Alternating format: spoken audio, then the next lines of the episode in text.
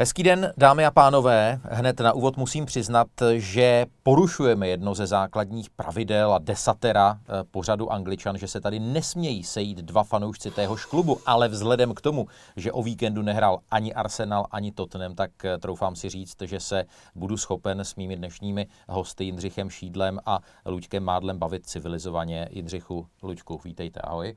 My si bavíme vždycky civilizovaně. No. Dobře, přemýšlí nad odpovědí. Ahoj, no já, jsem, já jsem přemýšlel, že, že máme nějaký desatero. já možná začnu meteorologicky, protože to teď frčí nejvíc v těchto hodinách. Moc jsem nepochopil, proč se eh, včera hrál zápas v Sheffieldu na Bramall Lane a zhruba o 100 kilometrů dál na, na Etihadu byl ten zápas zrušený. Mám jako jedinou asi takové drobné vysvětlení, že Bramall Lane jako je v zástavbě Sheffieldu, zatímco uh, Etihad je na taková trošku větrná hůrka. Nemám nejmenší ponětí, jako čekal jsem, že nám to vysvětlíš, jako znalec Británie. No, na druhou stranu v Německu se taky některé zápasy nehrály a některé hrály. Bayern hrál, myslím, že Borussia Mönchengladbach nehrála, takže mm. asi to záleželo opravdu na těch místních no, že ty stadiony to... jsou hrozně blízko sebe, víš? Tomu rozumím, ale skutečně škoda, já jsem se těšil na Tomáše Součka eh, na kolotoči na Etihadu. No, no. Nizozemsku se odkládali zápasy, no, ale v řadě míst Evropy ně, něco se hrálo, něco ne. Já se omlouvám, já do toho skočím ještě jednou no, připomínkou. nápad. Nemám nápad, ale v sobotu, kdy to začínalo, se hrál zápas Six Nations Skotsko-Anglie. A to bylo úplně fascinující v tom, jak by to jsem viděl, že Angličani nebyli schopni odkopnout míč z vlastní poloviny. Uh, Farrell, který se většinou tefí 9 z 10 kopů, se tefil jednou ze čtyř, protože to hmm. tam foukalo, takže to vlastně jako téměř znemožňovalo ten sport. A se, se hrálo přesně? Hrálo se, hrálo se v Edinburghu. A hmm. ve chvíli, kdy pak kopal v druhé polovině eh, ten, ten Farrell, tak on tam máš na to kopátko hmm. a jemu to musel přidržovat jak za starých rugbyových časů spoluhráč, aby ten míč jo, jo. prostě neodletěl někam pryč ještě On se vracel, já jsem viděl no, no, nějaký no. sestřih. Ano, ano, úplně to lítalo jinak než kdykoliv komické, komické situace. Já jsem největší futeř v životě viděl na Islandu při fotbale. To jste ještě hrál 21 Ačka, jak si cestovali společně u zápasu 21, který se hrál v nějaké rybářské osadě prostě, eh, kde nebyly vlastně tribuny, tak už jenom dostat se na novinářská místa bylo docela problematické, museli jsme v podřebu. tam, se, tam, se, tam, se skoro, tam se skoro nedal chodit. Myslím si, že za tu 21 chytil brankář skácel. Když vyhodil balon na policí čáru, tak se mu vrátil zpátky do ruky. Naprosto neregulární podmínky, ale říkali, že se to musí odehrát, protože přece nepoletí na Island letadlo speciálně ještě jednou. No já si no, tak to je, to je ještě možná jedna extrémní historka, jak se traduje, jak se hrál na Fajerských ostrovech v té mm. šílené mlze, kdy 75% hrací plochy nebylo vidět a najednou vyběhl Play vyhrál, ano, když jsme nevrátili míč. Najednou Lokvenc vyběhl z mlhy a křičí, že Šmicer dal gol, který nikdo neviděl. Alan Simonsen, který vedl uh, tým Fajerských ostrovů, prohlásil, že něco takového ještě v životě neviděl. No tak protože to opravdu nikdo neviděl. Eh, pojďme se ale zastavit u těch posledních dnů v, v Anglii fotbalové a částečně to bylo vlastně dění na stadionech, částečně dění u zeleného nebo já nevím jak zbarveného stolu. A sice mám na mysli nejrůznější vesměs drakonické tresty pro fanoušky, což je Jindřichu hmm. v podstatě věc, kterou je anglický fotbal známý, že hmm. ty věci řeší hned v zárodku a lepí opravdu tresty do konce sezóny, doma, venku, ale třeba i do životní Do životní, teďka myslím dostal nějaký chlapec eh, mladý 17 letý životní zákaz. Z Bournemouthu. Z Bournemouthu, ano. No, no. Za rasismus. Musím říct, že mě to jako vlastně překvapuje, protože Anglie je známá velmi tvrdým přístupem k fanouškům 30 let, nebo 35 let. Že jo. Předělávali si kvůli tomu stadiony, jsou tam velmi tvrdé testy a přesto má člověk pocit, jako by to v poslední době toho bylo víc. Na druhou stranu, já si pamatuju, já jsem byl přesně před 15 lety v Londýně na, na stáži a tehdy se rozjížděla akce, kterou uspořádal Thierry Ány, jako nejlepší hráč uh, ligy tehdy, uh, která se jmenovala uh, Stand Up. to nerozporuje. No, protože to nelze. Stand Up, Speak Up a byly to takové ty černobílé fotografie. A byla to akce hmm. proti rasismu před 15 lety. Teď, co se stalo? Vlastně před osmi lety dostal test za rasismus a asi se to nevyhýbá ani hráčům John Terry, tehdejší kapitán no, národního týmu a kapitán no, baže, Chelsea. Baže. Hmm. Nemluvím vůbec o Suarezovi. Ano. A v multikulturní společnosti, jako je Británie, kde každý tým je složen z hráčů mnoha národností ras, tak vlastně to je š, jako šokující. Ještě řeknu jednu historiku starší. Možná si pamatujete na skvělý seriál Bedna. Mm. Uh, Robbie Coltrane tam hraje psychologa a on tam při jednom výslechu říká Skinheadovi, ukáže mu fotku Manchester United a říká, podívej se ty idioty na tu fotku. Tohle je Rus, tenhle je z Karibiku, tenhle je o tamtud a ty nenávidíš lidi jiný národnosti a pleti a to nemůžeš fandit Manchester United. Takže jako to, že klubová příslušnost jako je silnější, než jako, jo, že to, co byste nikdy neudělali s, směrem ke svému hráči, pochopitelně doufejme, hmm. jo, jako se stane na tom stadionu vůči soupeři je vlastně v Anglii pro mě jako velké překvapení znova. No tam pochopitelně dneska neexistuje tým čistě eh, bílých evropských hráčů. O to je to samozřejmě Žádná překvapivější. SPD, ano. Žádná SPD. Mimochodem takový drobný detail, eh, na konci prosince eh, Tottenham hrál doma s Chelsea, mělo tam dojít k rasistickým urážkám Antonia Rüdigera, hodně se to řešilo na sociálních hmm. sítích a k mému překvapení, byť se do toho zapojili oba kluby a metropolitní policie, tak se vlastně nenašly žádné důkazy, že vůbec tady k tomu rasistickému skandování došlo. No a ještě je potřeba říct, že si dokonce mám dojem, byl to Sterling, který si měl stěžovat v Praze, že na něj, nebo ne, byl to Lukaku. Omlouvám. Lukaku, Lukaku Inter hrající za Milan na Inter Slávy, ano, na ano, ano. Slávy, ale pokud vím, tak tam byla, byli slavističtí fanoušci očištění v uvozovkách. V tomhle bylo mimochodem české publikum daleko horší. Já si pamatuju, jak před 20 lety ještě házeli na Kennedyho Chihuryho, který tehdy hrál za Viktorii Žižkou v banány. Jo. Což bylo naprosto neuvěřitelné.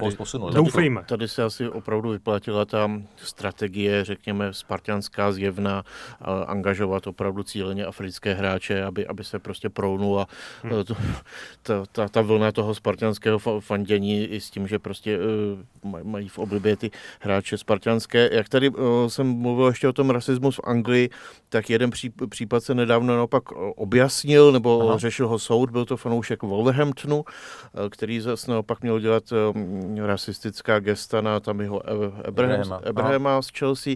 A sice když dal Abraham uh, hat-trick, tuším, tak, Ano, ano. eh, tak, eh, tak tenhle pán údajně vstal a měl se nějak jako pěstí drbat v podpaždí, aby, eh, což bylo pochopeno jako, že dělá šimpanze, tak byl okamžitě vyveden, eh, dostal čtyřletý, dostal Ale čtyřletý. člověk už opravdu teda musí dávat sakra pozor, No. nejenom co říká, ale i teda No. Já si myslím, že to je co správně. dělá rukama. Mně to je správně. Na jsem tady na začátku vyjadřoval jisté zděšení.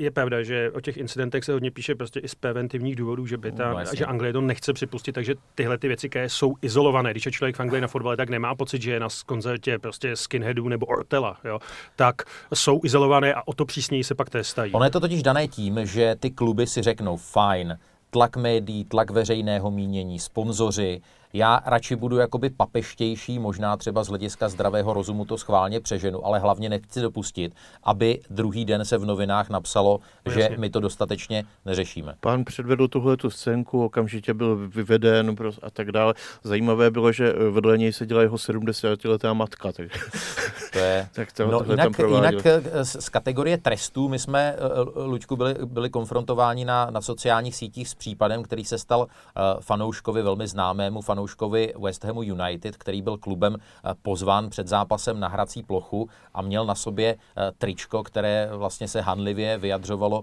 vůči vedení eh, kladivářů. A on dostal trest zákazu na jak domácích, tak všech venkovních zápasech West Hamu až do konce sezony. Což mám pocit malinko, hlavně ty venkovní zápasy, že v podstatě to tu jeho kritiku vedení West Hamu malinko potvrzuje.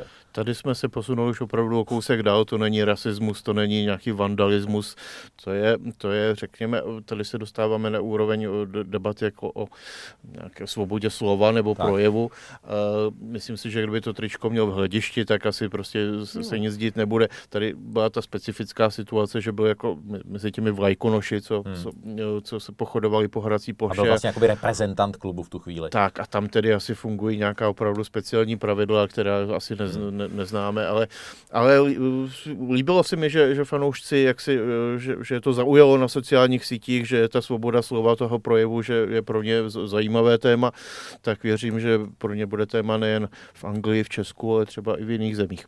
No. Eh, Tam je ještě potřeba říct, že to je výsledek jako momentálního absolutně kolabujícího vztahu fanoušků West Hamu k jejich vedení, což my jsme tady minule probírali, hmm. že to je situace, do které přišel Tomáš Souček vlastně velmi nešťastná, že tam to jako klub, který ztratil duši West Ham, hmm. jo, což eh, tohle je ještě nevinné, to, co se stalo v Manchesteru, eh, před Útok týdnem. na dom, dům Eda Woodwarda. na, na, dům, ano, na zápalnými lahvemi. To už je, to je prostě čistě kriminální čin, který nemá. My jsme taky naštvaní na, na Kenkeho, jo, ale kde bydlí Kenke, abychom něco hodili? Samozřejmě Moc daleko. přeháním. Ne, ale e, jako ta frustrace fanoušků některých klubů, a vy se do toho taky dostanete, jo, časem je, je pochopitelná vzhledem k výsledkům, tak vy už jste to vy jste vlastně zvyklí. O kolik jsme ale, před vámi? Eh, Ježíš, kdy jste naposledy vyhráli trofej, a teď se o tom nebudeme jsme bavit. zpátky, ano, nikdy, dobře. nikdy, řeknu Eh. posluchačům, nikdy. Tak eh, ne, tak to je prostě, je to asi stejný výstřelek, jako jsou ty vyloženě rasistické projevy v hledišti. Ale mimochodem tahle kauza má strašně zajímavou dohru, protože se ukázalo, že součástí toho, toho davu té, té lůzy byl i novinář bulvárního deníku The Sun. A byť Sun vydal tedy statement, kterým se jakoby od toho distancoval a že v žádné fázi ten novinář nevěděl o tom, co se chystá, v podstatě chtěl mít jakoby solo kapra, tak eh, si myslím, jestli možná nebude The Sun mít další město v severní Anglii, kde se Po po Liverpoolu. Nebude, nebude číst, protože tohle mi připadá i z hlediska novinářské etiky jako Absolutně. Jiří, Eh, dávej pozor, až budete protestovat proti dobře, panu Levimu, dobře. do ničeho se nepřipleť. určitě, určitě, nevezmu si sebou eh, legitku seznamu. Ano, Manchester City proti tomu podal oficiální stížnost. Sam to všechno popírá samozřejmě. United. United, No, pardon. ne, no. A tady je, tady je uh, zajímavá věc vlastně tohoto překročení nějaké té zóny vlastně stadionů a tak dále, kdy se vlastně hmm. ti fanoušci hrnou až do, do soukromí těch lidí, tak v podstatě my jsme to tady taky zažili a hmm. sice když František Straka Ano. převzal jako trenér tým Slávě, tak se mu na jeho eh, stavení objevily nápisy posprejované zradil Jaroslav, Jaroslav. Řebík, myslím, taky měl pospejovaný dům v Benešově, tuším. A ještě úplně zpátky. poslední případ trestu pro fanouška. Nevím teď přesně, jak ten trest dopadl, ale byl to fanoušek Newcastle, který neudržel tu obrovskou radost eh, z vítězného gólu svého týmu v prodloužení FA Cupu. Myslím, že Sen Maximan dal ten gól ve 116. minutě a on si v záběru televizních kamer eh, na tribuně eh, stáhnul kalhoty a uchopil do ruky své přirození a to taky mu vyslouží velmi citelný Tak, trest. dobře, tak Máš eh, komentář nějaký k Eh? Nemám, my jsme letos vyhrávali tak málo, že prostě nás... tě nikdy nenapadlo, ne, to tenhle nás, druh jako oslavy? nás v podstatě nic takového ani napadnout nemůže. My jsme se naposledy s Jindřichem objímali, když jsme dali pět gólů na Chelsea. To už je tak strašně dávno, už to tady nerozmazávají. Pojďme dál.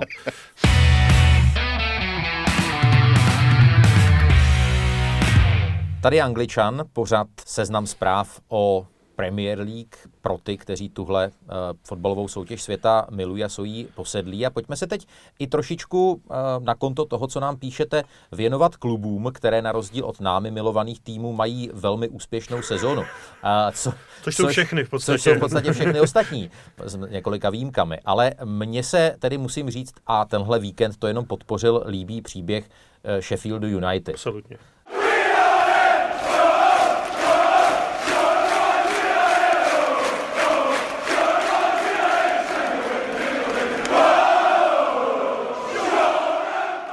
Tým, který ještě v roce 2016 v květnu, kdy ho převzal stávající trenér Chris Wilder, eh, se, se plácal ve třetí lize v League One a dneska v podstatě útočí na, na, na evropské pohárové příčky.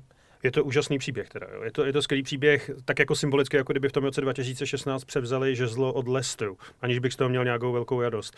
To je tým bez hvězd v podstatě. Jo, když se podíváte, tak nejlepší střelec tam uh, má 6 gólů, jo. tam není Hmm, mezi nejlepšími 20 střelci, ale dostali spolu s Chelsea, nebo spolu s Liverpoolem, myslím, nejméně gólů. Mají vynikajícího golmana Hendersona a opravdu velmi dobrou obranu. Velmi dobrou obranu, což je to, co přesně chybí například, například Arsenalu. Mimochodem, oni pokud eh, by skončili do šestého místa, eh, což se může stát, eh, budou hrát Evropu, bude to poprvé v historii toho klubu, kdyby hráli velkou evropskou soutěž. Naposledy hráli na začátku 90. let nějaký pohár zoufalců eh, z Británie, to oni tak se mi tomu říkají, a, Itálie. Takže, eh, protože Arsenal vyhraje Evropskou ligu letos a tím půjde do, do, přímo do Champions League, tak já bych to strašně tomu Sheffieldu přál. Ano, a případně, kdyby ještě dokázali trochu sejmout Chelsea, byl bych velkým fanouškem. Já si myslím, že na Bramall Lane, což je velmi, velmi uh, zajímavý stadion s velmi intenzivní atmosférou se budou dít velké věci. Mimochodem ten zmiňovaný Chris Wilder, a to se mi taky hrozně líbí na tom příběhu, začínal jako podavač míčů na tom stadionu. Dvakrát za ten tým hrál a teď se tam vrátil jako trenér. On je s tím, on je s tím týmem srostlý, já si myslím, že za toho odehrál i víc, teda historicky, ale to je zajímavá věc, jak jsou nahoře tyhle ty nečekané týmy Sheffield a Wolverhampton třeba. Ale tak, znovu letos. Ano, tak pro, eh, pro Sheffield a Wolverhampton platí, že je stále vedou kouči, kteří je přivedli prostě do, do té nejvyšší hmm. soutěže, hmm. takže pořád tam jakoby funguje tahle, ten, tenhle systém, to, ta, ta dynamika, která to je, případ Burnoutu, ne? Která, která je vynesla nahoru. Uh, ano, ano, Eddie, Eddie Howe, Eddie Howe vedl Bournemouth v nižších, v nižších Určitě, soutěžích, takže, takže prostě ty, ty týmy mají, mají tuhle tu vnitřní energii pořád uh, fun, funkční a uh, přitom se ale ty týmy zase liší. Wolverhampton je taková, to je internacionální kádr, to, tam, to je zejména Portugal, především portugalské musel s portugalským trenérem, zatímco třeba ten Sheffield, to je jedno z, jeden z nejangličtějších Nebo nejbričtější, Nejbrič, protože oni tam, jsou... skotů, ano, ano, podobně. To je to taková stará, stará anglická liga, jak kdyby se psal prostě rok 60 eh, nebo 76, kdy oni byli, my tuším, šestí nebo kolikát, že to byl nejlepší výsledek jejich historie. Takže vlastně to je jako v tom, v tom anglická liga je samozřejmě nejlepší, protože tam mají nejlepší hráči světa, ale pokud se objeví takovýhle tým, který je jako víceméně v uvozovkách, britský, je to vlastně jako příjemné překvapení. Ne? Já si myslím i proto uh, ta veřejnost eh, Sheffield United týmu The Blades docela dost fandí a hmm. zase tam se nabízí samozřejmě paralela s tím Lestrem. Ale marně uh, přemýšlím i na základě toho, že jsem viděl zápas Sheffieldu jak s Arsenalem, tak s Tottenhamem a na Tottenhamu Sheffield United mohl, by měl možná dokonce vyhrát. Že to je možná s Wolverhamptonem zase jako nejsehranější tým, že na jednu stranu oni vědí naprosto přesně, co chtějí hrát ale současně jsou schopní natolik improvizovat. A oni jako na první pohled uh, vypadají jako Burnley, že to jsou jako ultra tvrdáci, ale mají jako něco, uh, něco navíc, mají nějakou nadstavbu. Hmm. A myslím si, že jsou trošičku podobní jako Slávy, že jsou, že jsou jakoby extrémně běhaví. Uh, ti, ti krajní beci uh, hodně, hodně, tvoří, hmm. hodně tvoří hru a na tom křídle, jak tam ten, ten Bulldog a Enda Stevens jako brousí ten wing, tak to je jako impozantní ono to taky trochu souvisí s tím, že tohle je opravdu jako úplně výjimečná sezona. Jo, když se na to podíváme, o titulu je dávno rozhodnuto, o 22 bodů nevedl dokonce ani Arsenal ve své historické sezóně. Eh, Pravdu. Eh, je to tak, jo. Chelsea s pozastavenými přestupy se tak jako plácá, ale, ale čtvrtá, jo. Leicester, Co který... dali za to plácání. Ano, no samozřejmě, samozřejmě, s úctou Chelsea, jo. Leicester zase se může spolehnout na Vardy, mu, který mu je asi 47, no, je mu třeba 30, ale už prostě si možná člověk nemyslel, že hmm. bude zase nejlepší střelec, střelec ligy. No, teď mu to City jsou, ta muška, no. Ale pořád nejslabší City za poslední čtyři roky o Tottenhamu a Arsenalu se vůbec nebavme, takže taková ne, ta, tě, já ne, myslím, no. že se to k tomu časem jako vrátí, protože i když... Já, já tomu I chci když, věnovat celý příští Angličan, že bychom si jako rozebrali, no tak mě, v čem tak je, si mě nezvi, když mě Ale budu se tě, budu se tě zvát, budu se tě zvát, ale, ale já bych... Ale chci tím říct, že i ty výsledky těchto těch klubů, jako je Wolverhampton, uh, Leicester a jsou daný krizí těch tradičně velkých týmů. Tak, taky. ale u toho Leicesteru si myslím, uh, že tam to jde možná nad rámec toho. Podle mě tam jako to one season wonder s no. přihlédnutím k tomu kádru, který jako je jinak strukturovaný než Sheffield United Lučku, tak tam si myslím, že to může být jako trvalejšího rázu. Já si myslím, že se jim tam zase podařilo probudit takové to jádro, které opravdu v tom roce 2016 tuším mm-hmm. slavilo titul. Oni, oni získali titul, hráli ligu mistrů, ale, ale přišla, přišel pokles, zase krize. Ehm, v těch dalších sezónách byli 12, potom dvakrát 9 a teď se zase dostali do špičky. Myslím si, že tam zase našli, našli ten modus, tu, tu sílu, kterou tam probudil, probudil teda Brandon Rogers, který je, který je jednoznačně nejlepším trenérem, který tam fungoval v těch posledních, posledních letech a myslím, já si myslím, že to je jeden z nejlepších trenérů na ostrovech teď. Souhlasím. Já bych ještě dodal, uh, jestli bych měl v téhle sezóně hlasovat pro nejnenápadnějšího eh, výborného hráče s plusovým znamínkem, tak by to byl defenzivní záložník Lestru Wilfried Didi. Nevím, jestli jste ho viděli letos hrát. Teď v několika zápasech nehrál, nehrál a hmm. hned se to projevilo, že vlastně Lester teď procházel takovou drobnou výsledkovou krizí. Tam právě Kanteho odchod potom, potom titulu, hmm. pak Mahrís odcházel a tak dále, ale spousta hráčů tam ještě dál působí. Čistě krátká veselá historka, je to přesně pět let, kdy jsem viděl na Arsenalu zápas Arsenal Leicester. Arsenal tehdy vyhrál 2-1. Všichni jsme z toho byli otrávený, co to bylo za nudný zápas že jsme jim měli dát 6 gólů. Leicester tehdy to vypadalo, že spadne skoro definitivně všichni počítali s tím, že Leicester jde dolů. No nespadnul a za rok vyhrál tu Premier League. Hmm, hmm, hmm. I v mistrovské sezóně jsme byli tuším jediný klub, který s nimi měl tehdy pozitivní bilanci. No. To, bylo, to byla sezóna nějaký gol, myslím, že v poslední minutě, no. Procent no. Ezila, už to taky nechme být. Dobře, dobře. Ano, to je takový, takový skanzen.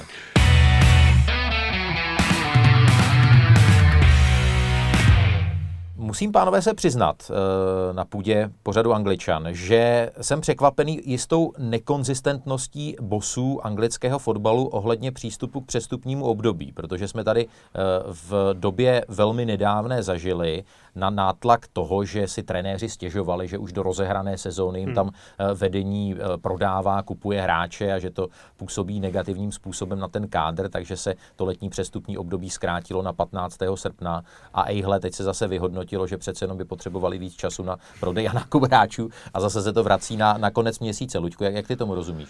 Já si myslím, že se to ukázalo jako kontraproduktivní to opatření a hlavně z biznisového hlediska, ale myslím si, že i sportovního. Ono by to fungovalo, kdyby, kdyby ve všech eh, silných evropských ligách byl ten deadline day plus minus v podobném hmm, čase. Ale, ale to se prostě nestalo. Anglie zavírala o 14 dní dřív než zbytek Evropy a pak to mělo dva efekty. Za prvé, což těm angličanům asi vadilo nejvíc.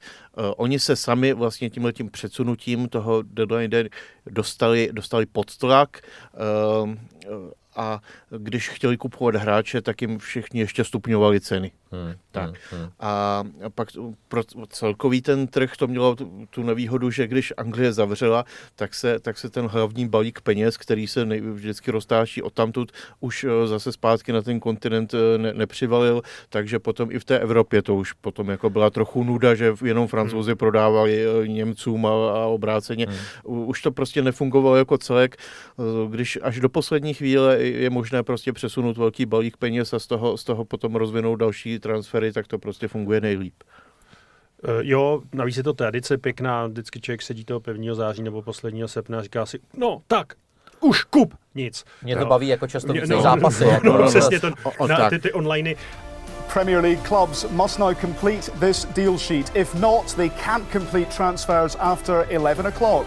Stay with us as we find out which clubs are trying to push for that 1am deadline. A to, co říkal uh, Luděk, je přesný mimochodem, ale letos ta se jako zkusili to, poučili se, oni potom skutečně volali, někteří trenéři, Wenger potom volal. Uh, teď je otázka, co se bude dít v budoucnu s tím zimním sestupovým obdobím, že jo? kde taky trenéři často volali potom, ať se zruší. Jo? Jako takové. Se taky jako, skoro nic neděje. No, no, dělo se málo, ale přece jenom někteří nakupali. Hmm. Mně teda spíš ale v tomhle smyslu připadá zajímavá informace, kterou jsem zachytil vlastně až minulý týden. Všichni právě počítáme intuitivně s tím, že Premier League začíná v polovině srpna. 15. srpen je ten den, na který se všichni těšíme. Zhruba. No letos začíná o týden dřív. Jo. Což mimochodem znamená, že mezi, mezi finále mistrovství Evropy a, a hmm. začátkem ligy je, to jsou asi tři týdny nebo jako čtyři týdny. Hmm, to, to, je... bylo brutální v roce 2018 po mistrovství světa, jak Anglie no. došla daleko, tak uh, tam vlastně ano, hráči, ano, ano, ano, ale že a tam nehrají jenom Angličani. No, jo, jasně, takže, no. takže jako letos mimochodem to přestupové okno bude asi velmi zajímavé vzhledem k tomu Euro a myslím si, že spousta týmů, včetně Arsenalu, abychom se k němu dostali, se bude snažit ten biznis udělat uh, dřív, early, ano. dřív, dřív než to. Což mimochodem Arsenalu se to někdy dařilo, a někdy taky koupilo šaku. Já jsem právě chtěl říct, že když se podíváme na ty v současnosti nejlepší kluby, Liverpool, Manchester City, tak jestli mají něco společného, že ty svoje opravdu velké úlovky, velké trady mají samozřejmě předjednané a dotáhnou je hned na začátku toho přestupního období, aby ty posily taky pochopitelně absolvovali přípravu s tím klubem a stačili se nějakým způsobem integrovat. Tohle to jsou třeba typicky týmy. Nepamatuju si, kdy třeba Liverpool nebo Manchester City kupovali na deadline day. Hmm. On je to velký trend, i se, se to zdůrazňuje, že v Anglii vlastně jsou ty kluby řízeny na dlouhodobých business plánech a tak dále. Ale teď uh, zase úplně jinak to funguje ve Španělsku, v Itálii, kde si naopak hrajou opravdu až do posledního dne, hmm. kdy, tam, kdy tam prostě nějaký prezident jako furiansky hodí peníze na stůl a tak dále. Ale já bych ještě zdůraznil jednu variantu, jednu velkou výhodu toho, toho uh, deadline day, na přelomu srpna září a sice v ten moment se ví, které týmy postoupily do ligy mistrů Evropské hmm, ligy, kdo naopak ne. To znamená, ví se, kdo bude mít peníze, ten může nakupovat, kdo je, kdo je mít nebude, ten naopak prodává, což je důležité hlavně například pro české týmy, belgické a tak dále. Těm angličanům je to celkem jedno pro ně za Champions League byť to tady nechci úplně podceňovat, ale...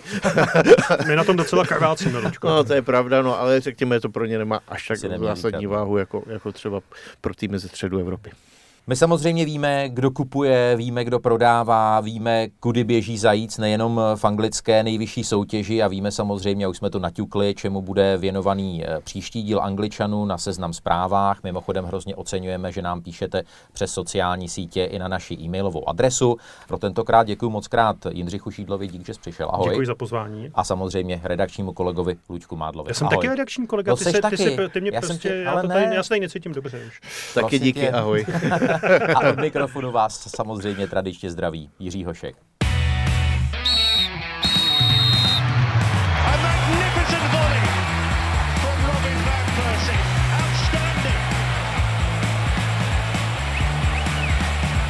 Absolutely top class, unstoppable.